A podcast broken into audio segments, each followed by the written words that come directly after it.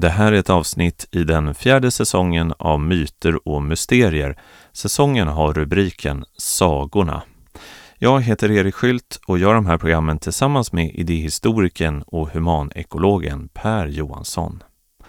Hela den här säsongen har finansierats med hjälp av crowdfunding. Innan vi drar igång dagens avsnitt skulle vi därför vilja rikta ett särskilt tack till Hallström PR, kommunikationsbyrån för samhällsbyggare. Stiftelsen Psykosyntesakademin, utbildningar och terapi med plats för själen och din personliga saga. Fria rättsläkarna för dig som tvivlar på att den medicinska bedömningen är korrekt. Samt Emil Ros av Hjälmsäter. Men nu är det dags för dagens avsnitt av Myter och mysterier.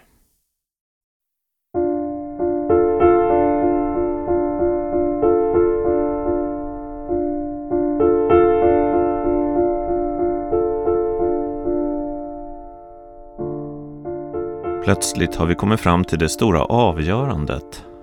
De små hoberna är framme vid Domedagsberget i mörkrets land Mordor. Det är nu ringen ska förstöras. Men då händer något, något helt oväntat. Och den som läst boken eller sett filmerna minns säkert hur förskräckt man kan bli. Det handlar om hjälten som plötsligt inte klarar av att utföra sitt uppdrag. Det handlar om det stora misslyckandet. Dagens avsnitt har rubriken Slutet.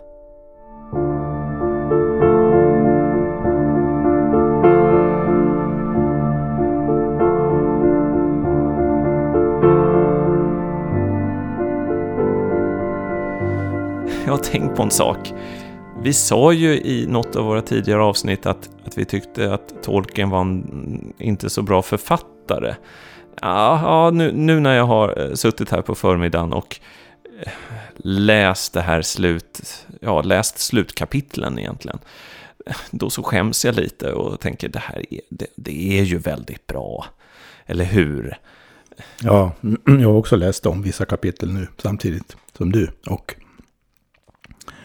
jag står fast vid att tyvärr så tycker jag att ofta dialogen och karaktärsteckningen och är lite stolpig. Eh, det är framförallt i de delar som, där det inte händer någonting särskilt egentligen. Men vid, vid, vid vissa avgörande punkter eh, och, och i vissa, på vissa ställen annars också glimmar det till enormt. Och jag får, återfår samma nästan vördnadsfulla djupkänsla som jag drabbades av mera totalt allra första gången jag läste det här verket. Så det finns där. Magin finns där och fungerar. Jag skulle säga till och med att den fungerar på, all, på alla väsentliga punkter. För vilka är de väsentliga punkterna? Det är, det är den här känslan av att någonting står verkligen på spel. Det är karaktärer som utmanas kolossalt var och en på sitt sätt. Det är vändpunkter och avgörande val som måste träffas. Det är i slutet av en epok. Det, är, det finns en närmast kosmologisk dramatik under allt som händer, hur vardagligt den kan förefalla tillfälligt. Och det där finns hela tiden under ytan, även i de här när det är liksom språkligt lite mindre ekvilibristiskt om man säger så. Och det gör verket fortfarande, egentligen trots allt väldigt starkt.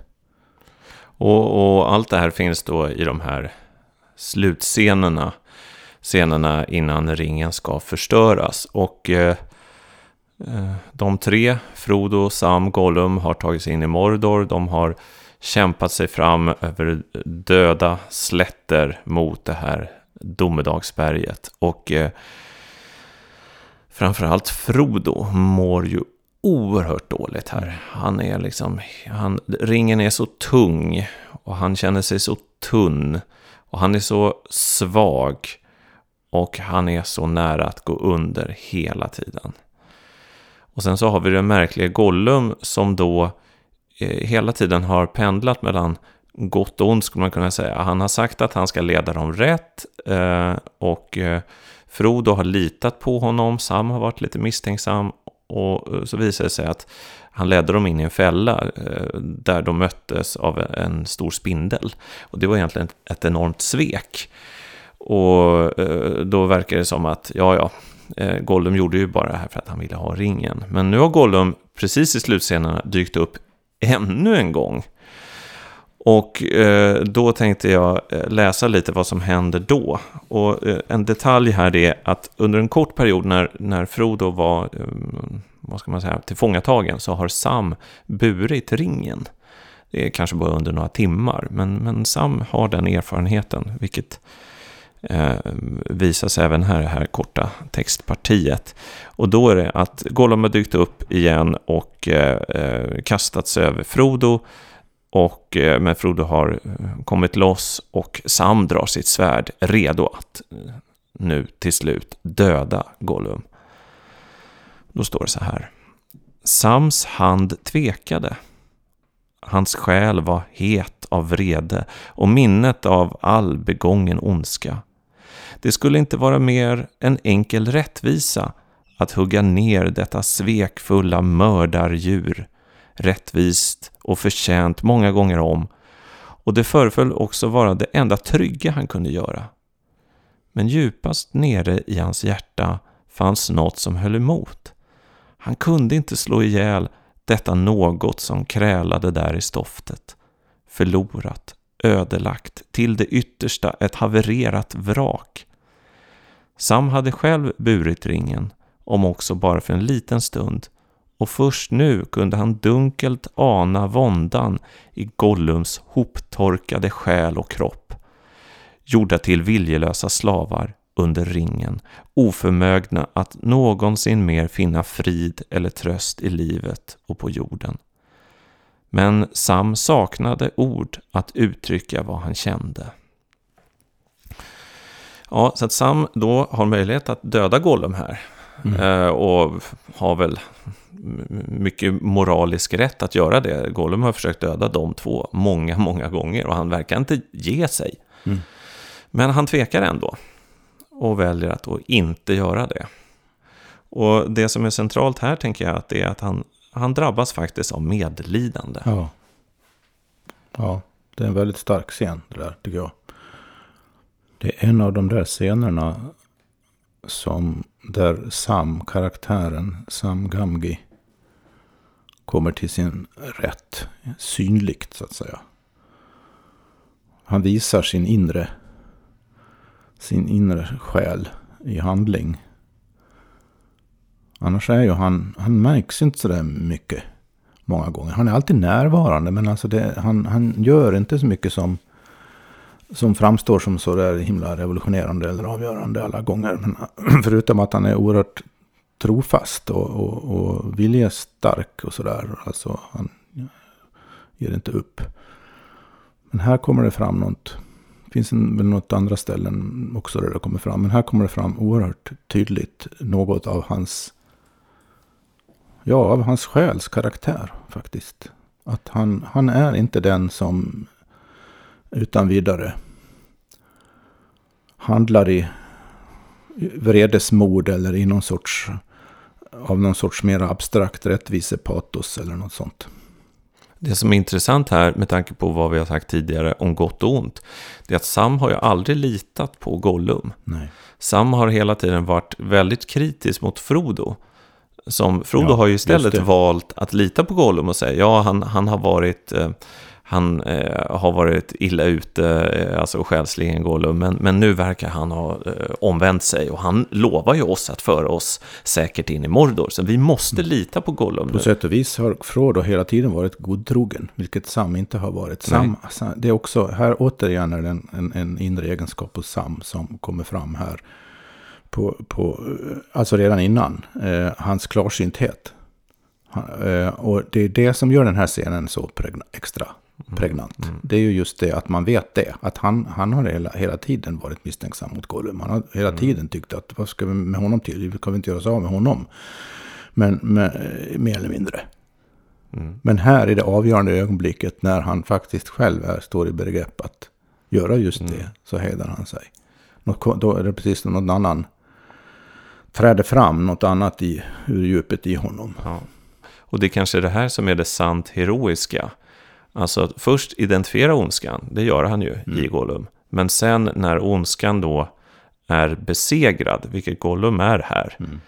då ändå vara barmhärtig. För Och, och inte då eh, låta sin ilska och vrede ta över. Där är det, därför är det så intressant också att eh, han, det formuleras så att Gollum är besatt. Det vill säga ondskan. Gollum är inte ondskan. Nej, utan ondskan har besatt Mm, honom. Just det, det är sant. Och det är det som är grunden för medlidandet. Mm, just det, det är sant. Han ser... Precis.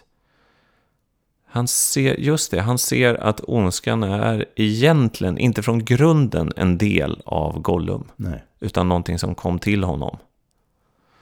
Hmm, intressant. Jag, jag, jag fortsätter det här. Ja, gör det. Eh, och de, de klättrar upp för det här berget och eh, eh, Gollum springer iväg, men man vet inte riktigt vad som händer med Gollum. Och eh, de går fram till den här stora elden där då härskarringen en gång smiddes. Och den enda plats i hela världen där den kan förstöras. Och nu är vi framme i klimax, vid klimax i hela berättelsen. Det är det är det här allting har handlat om. Och planen är då att den, de enda som skulle, det här är Gandalfs plan då, de enda som kunde lyckas med det här uppdraget var några hober som inte kan korrumperas på samma sätt som människor eller till och med alver kan göra. Men då händer ju det här och det här eh, Ja, det här är väldigt kort och det är faktiskt helt oväntat. Mm, det är det. Det har ju egentligen, eh, alltså Frodo har sagt att han är otroligt trött, han vill bara att det här ska vara över, han är rädd, eh, men han har hela tiden stapplat vidare. Då händer det här. Husbond, husbond, skrek Sam. Då rörde Frodo på sig och talade med klar och tydlig stämma, klarare och med väldigare makt än Sam någonsin förr hört. Stämman höjde sig högt över larmet och bullret i domedagens berg och gav genskall mot väggar och tak. Jag är här nu, sa Frodo, men jag väljer en annan väg än att göra vad jag kom hit för. Jag vill inte utföra gärningen. Ringen är min. Med ens satte han den på sitt finger och därmed försvann han inför Sams syn. Sam flämtade till, men han fick aldrig möjlighet att skrika ens, för det var mycket som hände nu i samma laddade ögonblick. Och det här, Ja, det här är då Frodos fall. ja, det är det. Det är ju det här som är så otroligt intressant. Det är, ehm, det är den stora vändpunkten. Vi har inte nämnt det tidigare, men han fall, det slår mig att han faller egentligen på samma sätt som Sörman har- tidigare har fallit. För att i, där, där, där Gandalf berättar och var innan, under rådslaget i Vattnadal, Elrons rådslag, så berätt, innan de ger sig iväg på sin stora re, resa mot Mordor, vandring mot Mordor, långt innan då, så berättar Gandalf vad som hänt honom. Eh, anledningen till att han aldrig kunde, kunde komma till Fylke och hjälp, bistå hoberna från början. Utan han försvinner ju där under lång tid. Och då har han varit fånge hos Saruman. Och det finns en scen där som han återberättar som där det står klart att Saruman har gått ö- gripits av frestelsen att gå över på det mörka, den mörka sidan efter sitt eget huvud. Där han har, försöker övertyga Gandalf om att ja, men jag har en annan plan. Vi, hur vi ska styra upp det här. För det är helt riktigt, världen är på väg att gå åt skogen.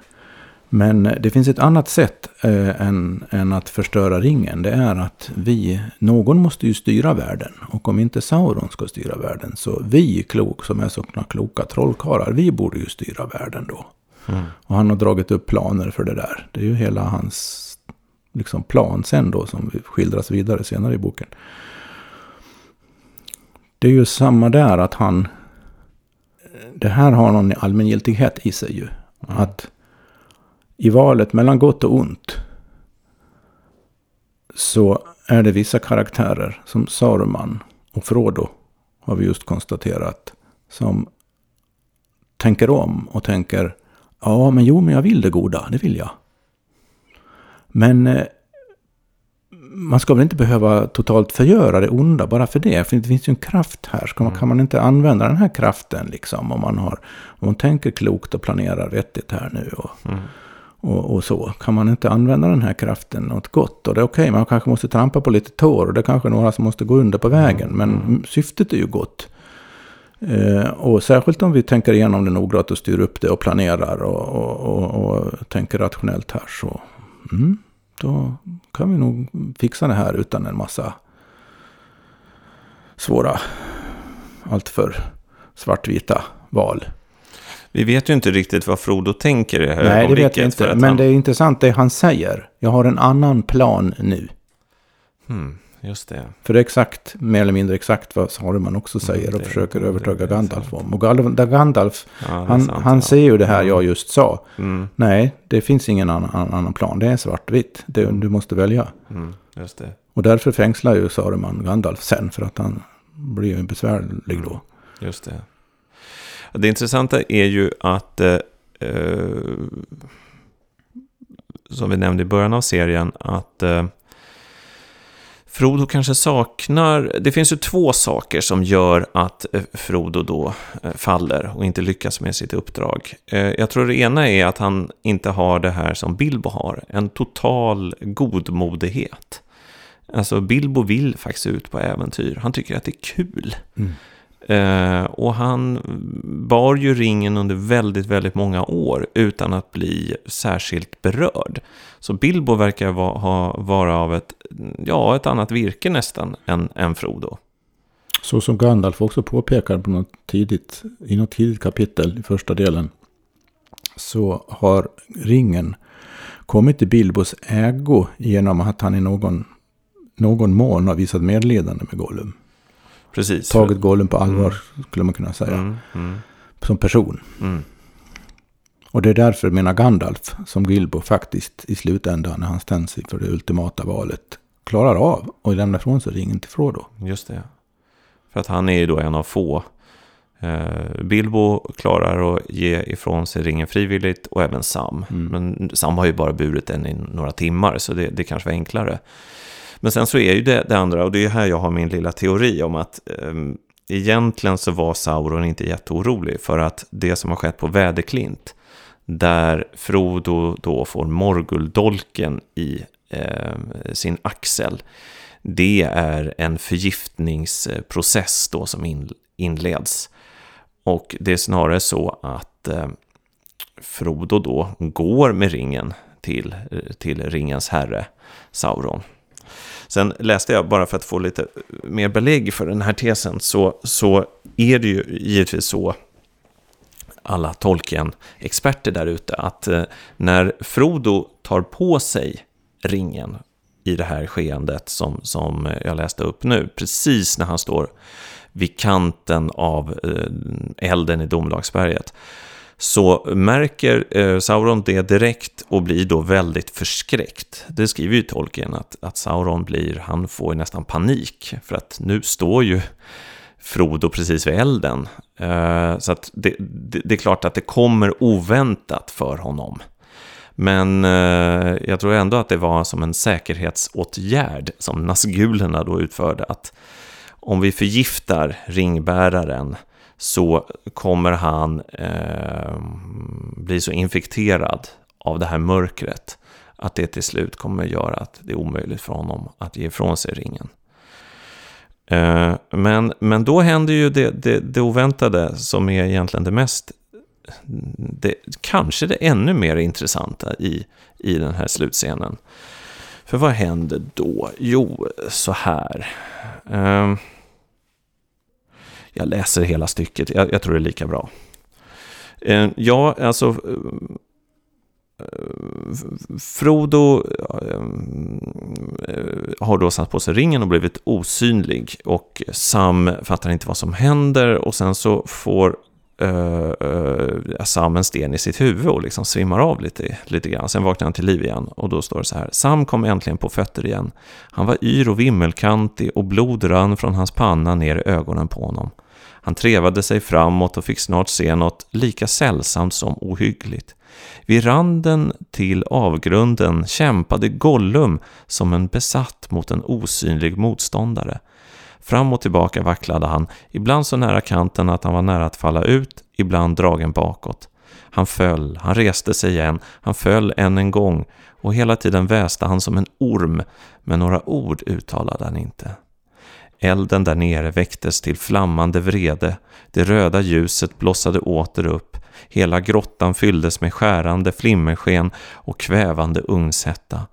Med ens såg Sam hur Gollums långa aphänder drogs uppåt mot hans käft, hans vita huggtänder glimmade till och smällde samman igen till ett bett. Frodo gav till ett skrik och där låg han plötsligt fullt synlig, nedsjunken på knä vid kanten till klyftan.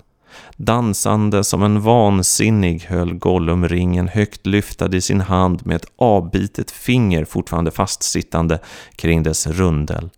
Den sken nu som den faktiskt smitts, inte av guld, utan av levande och flammande eld. Min skatt, min skatt, min skatt, vrålade Gollum. Min älskade, åh min älskade.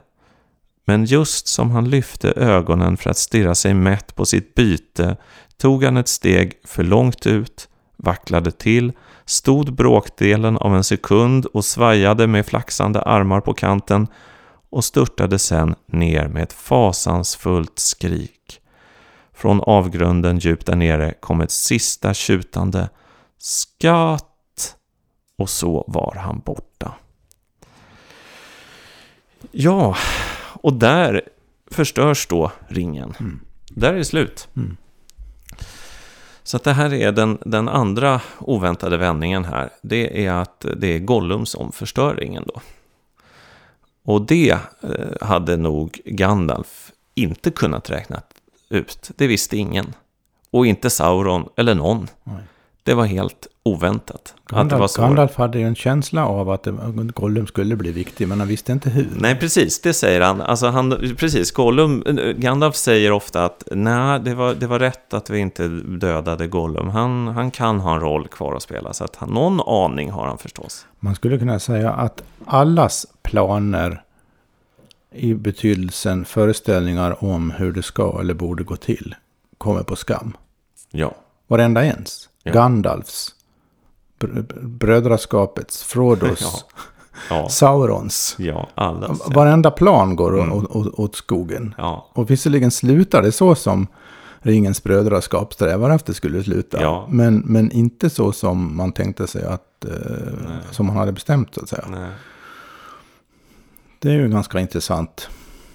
Ja, vad är det? Om Innebörd. Som... Mm, om, man, om man tänker då rent eh, mytologiskt eller man behöver inte kalla det mytologiskt, Nej. rent mänskligt då. Vad, vad är det här för något? Det, o, det, det totalt oväntade. För det här är någonting som skär igenom det skär igenom också den här, eh, allt vi har pratat om gott och ont, utan det är bara, det här bara händer.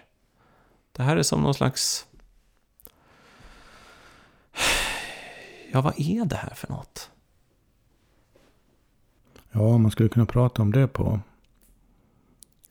flera. En, om man börjar med en konkret fråga.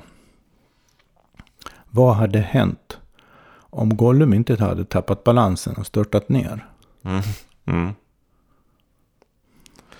Det som händer i ögonblicket då Frodo tar på sig ringen, det är att Sauron ser honom och förstår att han själv är illa ute. Han beordrar sina nio naskuler som nu har fått bevingade någon slags jätteormar eller någon, nästan dinosaurieliknande flygande varelser. Han beordrar dem i ilfart till Domedagsberget. Och eh, i den hastigheten hade de säkert nått fram på fem minuter. Mm.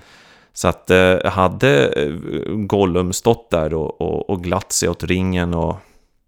Hade de snappat upp honom? Ja, ja, antagligen. Och Frodo hade velat ta, ta tillbaka den. Eller Sam hade varit tvungen att bryta ja, Sam hade ju kunnat Frågan är om Mm. Sam hade... Ja, Sam hade kanske då liksom ändå dräpt och Gollum säger vi. Ja, precis. Och Sam hade kanske... Lagt beslag på ringen. Eller, jo, om man hade gjort det tillräckligt snabbt så Ja. kunde han ha kastat ner den. Han då. Mm, ja, Möjligen hade han kanske klarat av det. Ja, Eller också hade han inte hunnit. Och då hade ju inte han förmodligen inte haft någon chans mot Nej. Nazgulna i och för sig. Då. men om man säger så här då. Så är det, fr- frågan blir, är det här, ska man tänka på det här nu då, vi är liksom lite så här eh, Tolkien-exegetiska här. Ska man tänka på det här som en tillfällighet? En slump?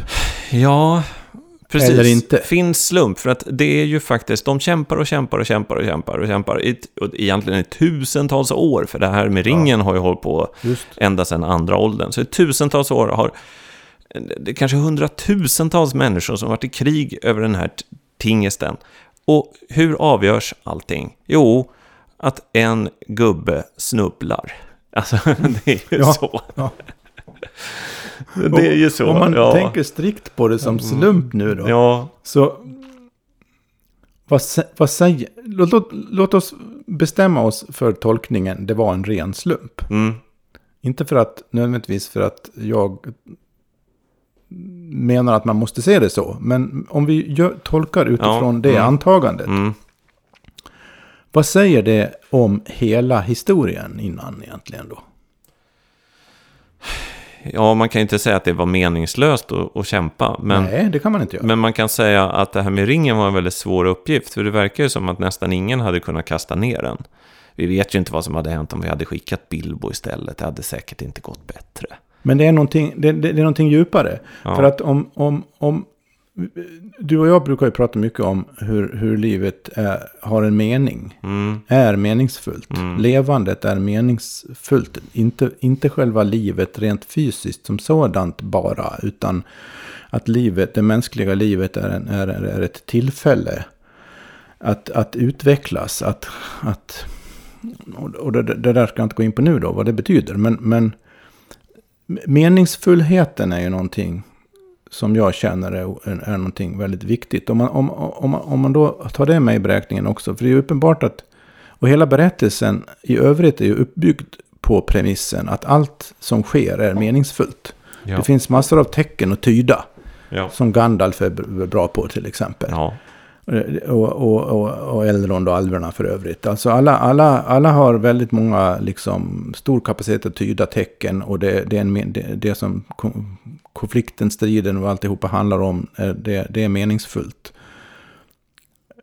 Så det hela fonden är att vi är klara över vad vi håller på med, det är meningsfullt, vi strävar, alla mm. vet inte allting, en del fattar inget. eh, Men eh, det, det är liksom inom citationstecken budskapet som liksom Nej. ligger under Ja. ytan precis hela berättelsen. Och sen nu då i allra sista avgörande ögonblicket Mm. så sker någonting av en ren slump. Ja.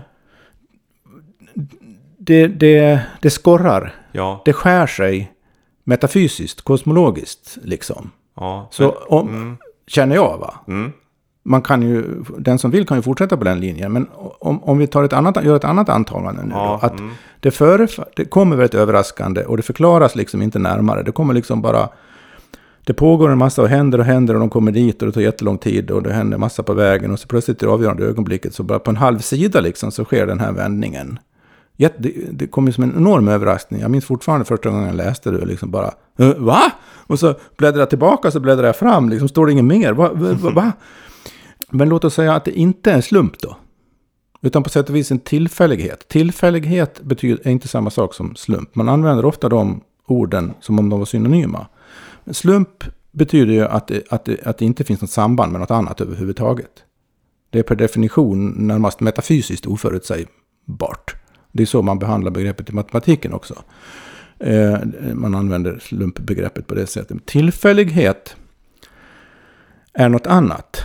För det är egentligen samma sak som det med ett finare ord kallas för kontingens. Näm nämligen att saker och ting förhåller sig hela tiden till varandra, till vartannat. Det finns alltid en kontext, det finns alltid ett sammanhang. Och, och, man pratar om tillfälligheternas spel. Då menar man inte att det är en slumpmässig process. Utan man menar att vad som händer med en sak bestäms av de andra sakerna som också är med på banan så att säga. Och hur de, eftersom alla följer sina egna lite agendor och sådär, så, så är, blir, blir saker och ting inte förutsägbara i sina detaljer. Man kan se mönster och så vidare, men det blir inte liksom konkret förutsägbart i alla detaljer. Och det är en sorts frihetsdimension då ju i tillfälligheternas spel, i, i kontingensen kan man säga. Det är alltså inte slump. Det finns en kausalitet. Och man kan också i relation till kontingens, i, i förhållande till tillfälligheternas spel, så kan man tala om en, en, ett underliggande mönster. Man kan, idén om att det finns en mening till exempel är möjlig i relation till kontingens, men den är inte möjlig i förhållande till slump. För slump är per definition mm. meningslöst, för det finns ingen kontext för slumpen. Va? Men för tillfälligheter finns det kontext. Så att om, om det här att, att Gollum stört, det som ja. händer här nu då är en tillfällighet säger vi. Då är det en annat, ett annat antagande. Och då, då, då skulle man kunna spekulera vidare om att vad är det som påverkar tillfälligheten här nu då? Ja, alltså... Finns det liksom en dold sida av skeendet här som inte nämns, men som man kan så att säga resonera sig fram till utifrån vad man vet om hur den här världen fungerar. Mm. Och vilken sorts varelser som finns där. Finns det någonting som så att säga kan tweaka tillfälligheten här? Ja, någonting inre och osynligt menar du? Okej, okay, men, men uh, fortsätt den tanken Någonting då. i det underliggande mönstret för hur handlingar sker och vad som ja. motiverar handlingar. Men vi, vi har ju pratat om hur, eh, hur Gollum blir besatt. Och det är det som motiverar hans handlingar. Vi har kommenterat hur Sam ser att Gollum är besatt. Och just därför visar honom medlidande.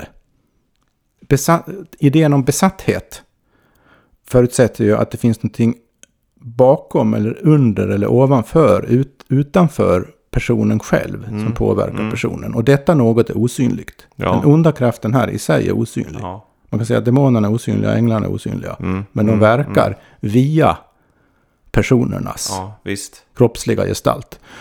Och om, till, om, om det betyder att det, det, framgår att Sauron har koll i sista minuten här. Mm. På vad som är på väg att hända. Mm. mm. Sauron, Låt oss anta mm. att det inte bara är Sauron som har koll på det.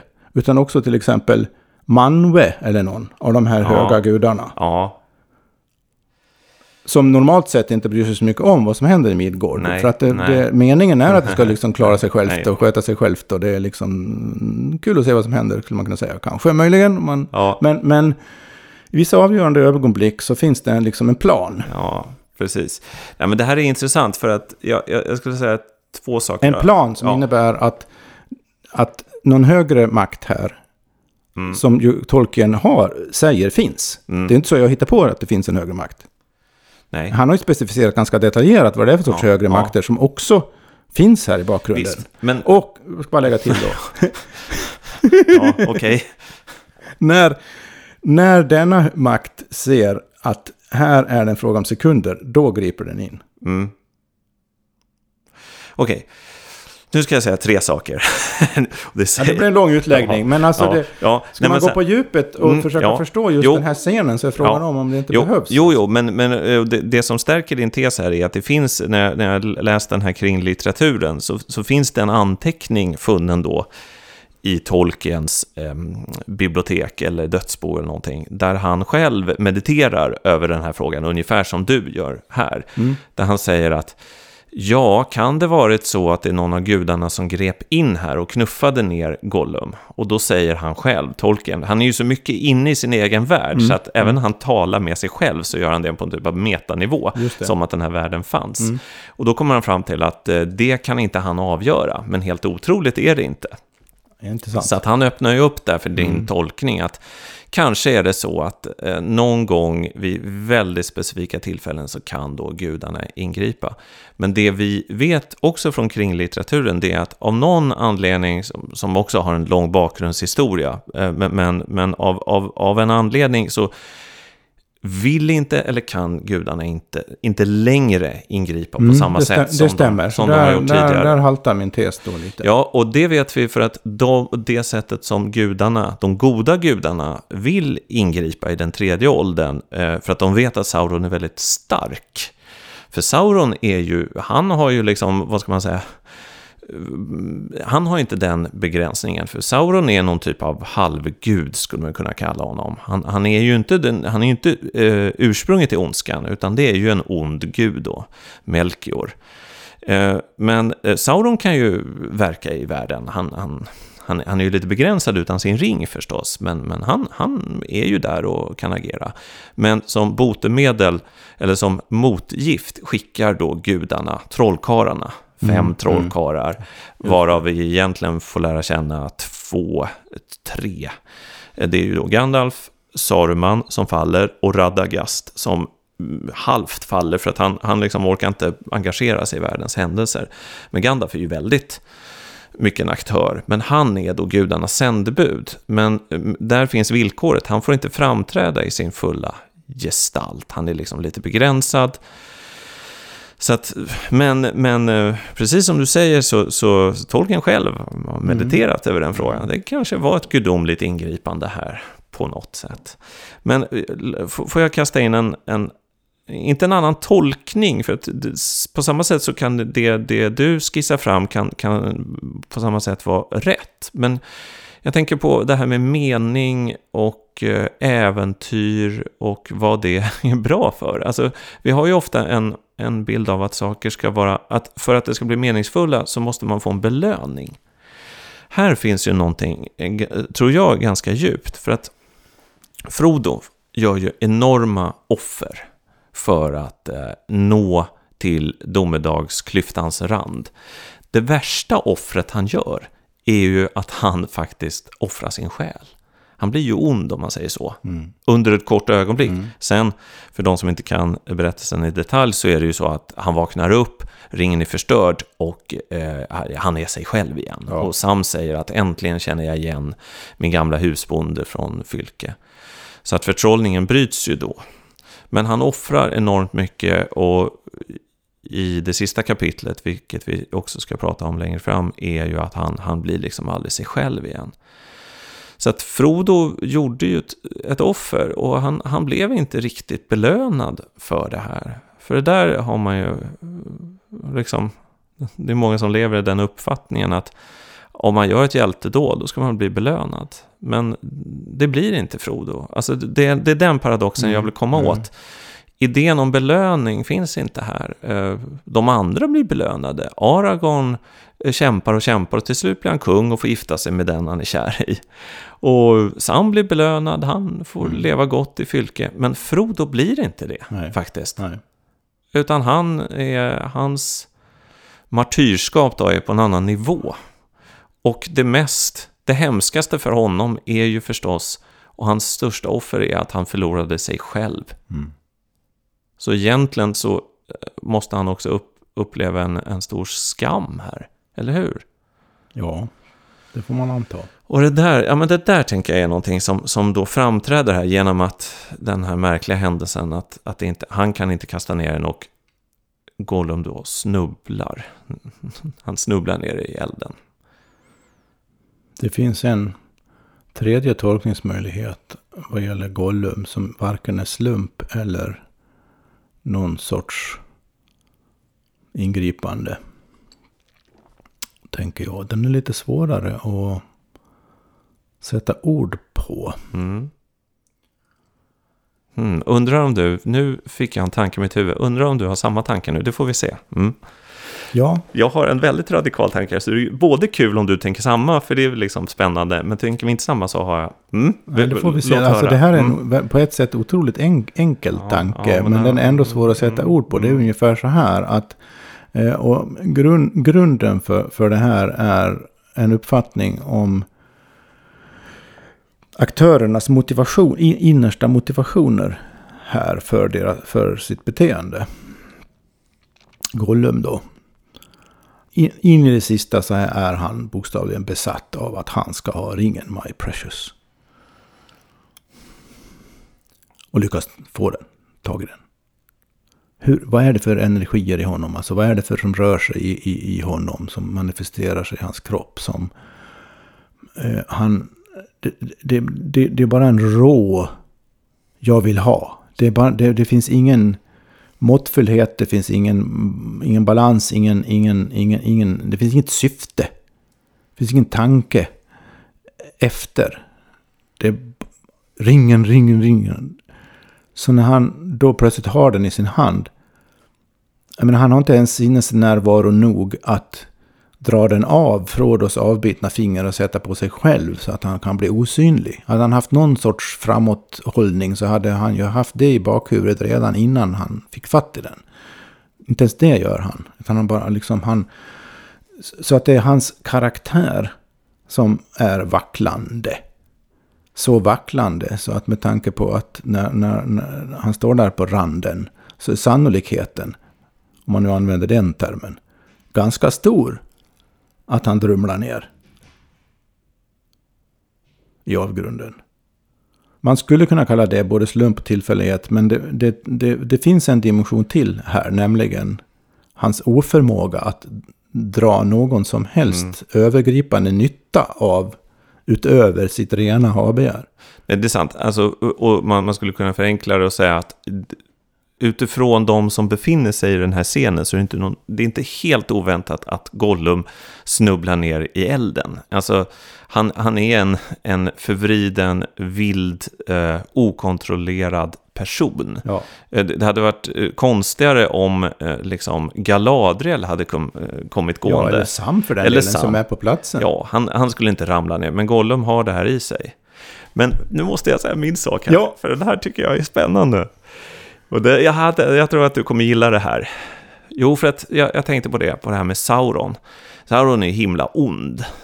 Men är han ondskan? Det är han ju inte riktigt. Sauron var en gång, han var ju ändå, han hade en, en, en han kunde framträda en fysisk gestalt. Eh, vi har, om man läser kring litteraturen så vet man att Sauron, han, det var en väldigt mycket ordning och reda kring honom. Så Sauron var lite som Saruman kan man säga. Att han hade en mm. idé om världen. Mm. Och sen så blev han mörkare och mörkare och mörkare. Och i det här skedet så, så det, det, det verkar inte finnas något hopp för Sauron. Det är aldrig uppe på agendan att gå och prata med Sauron och säga men du sluta med de här krigen och skicka orcher på oss. Utan han är väldigt ond. Men eh, han, han är liksom inte, han är inte den totala ondskan, han har en annan historia. Det har även eh, den onde guden Morgoth.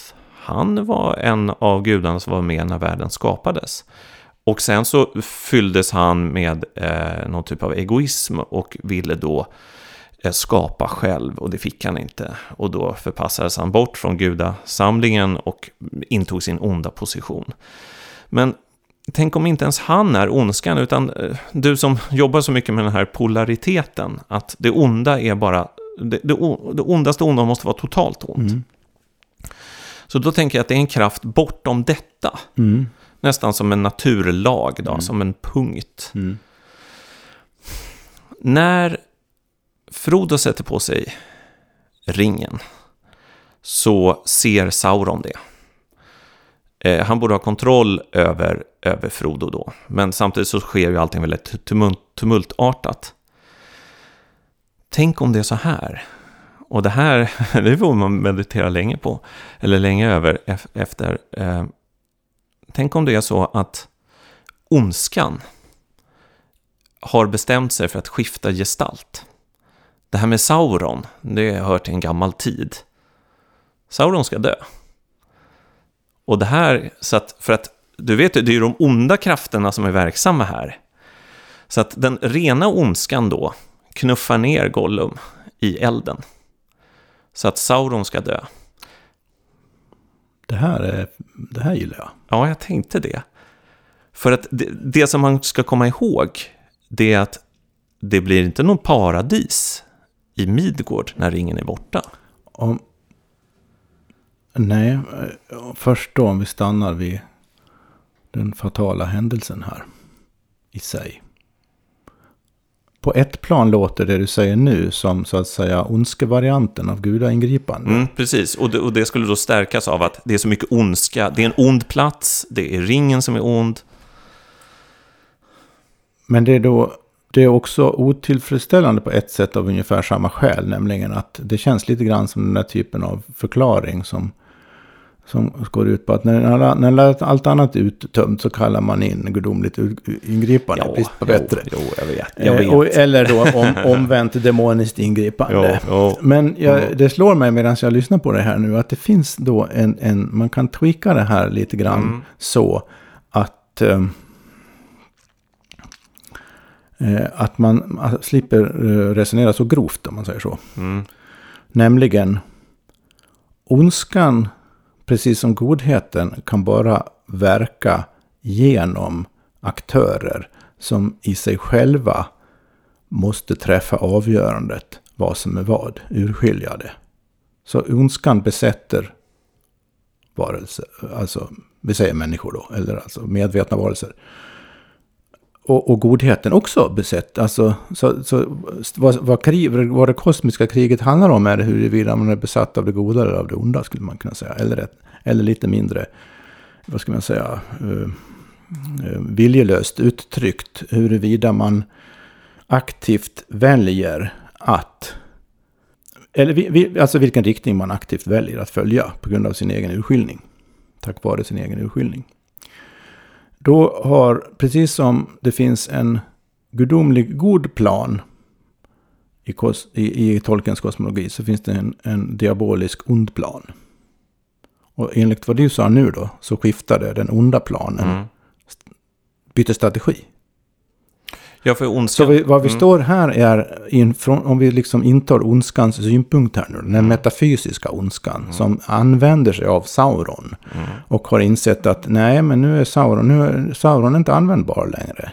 Nej. Sauron är på god väg att inte bli användbar nu. Ja, exakt. Ja. Och, och Sauron har ju fått sina chanser. Han har ju förlorat ringen en gång. Just. Så att... eh, Ja, det han var är illa nog ju. Ja, han, han är inte ondskans... Alltså på så sätt så är han inte så... eh, så eh, Nej, han som alla Stark. andra aktörer är från den absoluta ondskans synpunkt umbärlig. ja, I grund och botten, även om det kan Visst. ta några tusen år och, och, Ja. innan det han avpoliteras. Mm. Ja, men, men ondskan, den metafysiska ondskan kan bara verka via en aktör på jorden. Mm. Eller Midgård, i Midgård. Och den varse blir också via sina hantlangare. Så att det inte bara är Sauron som blir varse vad som är på väg att hända där. På kanten av äh, avgrunden. Mm. Utan också ondskan själv. Ja, okej. Genom Sauron. Okej, ja. Mm, mm. Så det är med andra ord Saurons energiska, bokstavligen energiska inriktning på att Åh, oh, nu måste jag få tag i den! Mm. Som skapar en, en, vad ska vi säga, en, en kraft. Precis. Alltså, Som, mm. Och den kraften är så... För, för Sauron är, om man Ja. tänker att Sauron besjälas av samma, en mycket, otroligt mycket starkare och våldsammare Ja. och intensivare eh, varia, eh, variant av vad som besätter Gollum. Mm. Mm. Så den, den, den, kraft, den kraften är så kraftig så att den försöker få tag i ringen. Alltså den, den vill egentligen gripa ringen innan Ja. Nazgulerna Mm. Mm. kommer fram. Mm. Och den kraften, eftersom Gollum är i samma kraft i grund och botten. Han är också Knuff, ondskans hantläggare. Så den kraften Knuffar puttar, honom puttar ner honom. Ja, men så skulle, Oavsiktligen. ja, så skulle det kunna vara. Och det skulle kunna vara för att Tolkien skriver att i, i den här sekunden så blir Sauron väldigt rädd. Mm. Alltså han, han får i princip panik. Eh, och det skulle vara kraften som, som skapas. Och i, vad är det i Sauron som, som skapar panik? Det är kanske det lilla, lilla, den lilla, alltså den mikroskopiska delen av honom som är hans ursprung, som inte var helt ont. Just det, just det. Och det skapar då den här tryckvågen som för Gollum över kanten. Så kan det vara. Jag, det jag tänker som är fortsättning på mitt resonemang är att det i tolken ligger en, en, en... I hans världsbild så ligger en annan typ av eh, framtid. Och det är att eh, ondskan skiftar karaktär. För att eh, Midgårds, Midgårds tredje ålder är nu över. Den fjärde åldern inleds. Och mycket tyder på att den fjärde åldern är den tid som vi lever i. Just det. Alltså Tolkien ser inte riktigt det här som ett annat universum, utan det, det, det är liksom förr i tiden Mm. mer. Det är den Eh, känslan jag hade också ja. när jag läste det första gången. Jag greps av. Ja, men det, det här är så här, det är sant. Det är så här det var för Ja. länge, länge, länge sedan. Och Tolkien menar kanske att i mytisk tid, då såg ondskan ut så här. Då var det Sauron som bodde i ett stort svart eh, torn liksom. Men i vår värld så är det mycket som tyder på att om, om ondskan finns kvar, vilket i alla fall du är ganska övertygad om, så har den skiftat karaktär i alla fall. För det där svarta tornet, det, det kan man i alla fall inte hitta. Eh, och då skulle jag säga att som vi varit inne på tidigare, vad, vad, vad är den nya ondskan? Det är att världen är tom liksom. Det är, det är den, det är det vi, många Mm. av oss brottas Mm. med. Mm. Eh, väldigt många människor brottas ju med den. Det, det är ju inte det här... Kanske därför som man då gråter som jag när Theoden rin, rider ut från Hornborgen. För att eh, det är inte en tom värld. Där, är- där kan man Mm, göra, mm. där finns det hjältedåd. Och, var, var, ska, var finns det nu? Vad kan man rida ut ingenting. nu för tiden? Ja. Och eh, det är liksom eh, Saurons tidsålder över. Och, och, och hjältarnas tidsålder är också över. Mm. Just det. Och alvernas tidsålder är absolut över. Och trollkarlarnas tidsålder Ja. Är också över. Det de- här ska vi ju, i vårt sista avsnitt ska vi gå in på det. Allting Mm. som dör. Det, sa, det slutar i någonting grått. gr- En Mm. grå, mulen känsla. Ja, Det är kanske ingen slump att sista kapitlet heter. För det fortsätter lite grann efter den här Mm. kulmen. Sista kapitlet heter Gråhamnarna. ja visst. Ja, men nu kommer vi ganska långt i, vad är det du kallar det? Tolkien exeges. Tolkien. Uttolkning av Tolkien. Text. Ja. Eh, och det här kan man ju lyssna på på flera sätt. Ja. Det vi har ordat om nu. Man Ja. kan lyssna på det som Tolkien fantast och eh, hålla med eller inte om allt möjligt eller få idéer. Men eh, vi har, känner nog, jag känner nog ändå att vi har talat om det på ett sätt som inte är så svårt att översätta eh, i, eh, på ett användbart sätt i relation till med oss människor här på Mm. jorden, mera närliggande saker. Det får väl eh, lyssnarna själva klura ut i så fall. Ja, precis. Ja, men vi sätter väl punkt här för idag.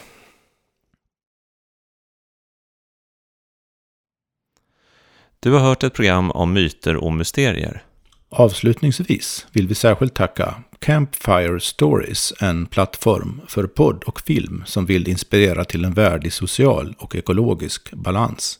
Marianne Holmberg som erbjuder Framtidskartan, en individuell guidning för dig som vill reflektera över din livsberättelse fram tills nu och rita kartan till din framtid. Fotografen Aron Mattsson samt vår webbmaster Ludvig Lindelöv.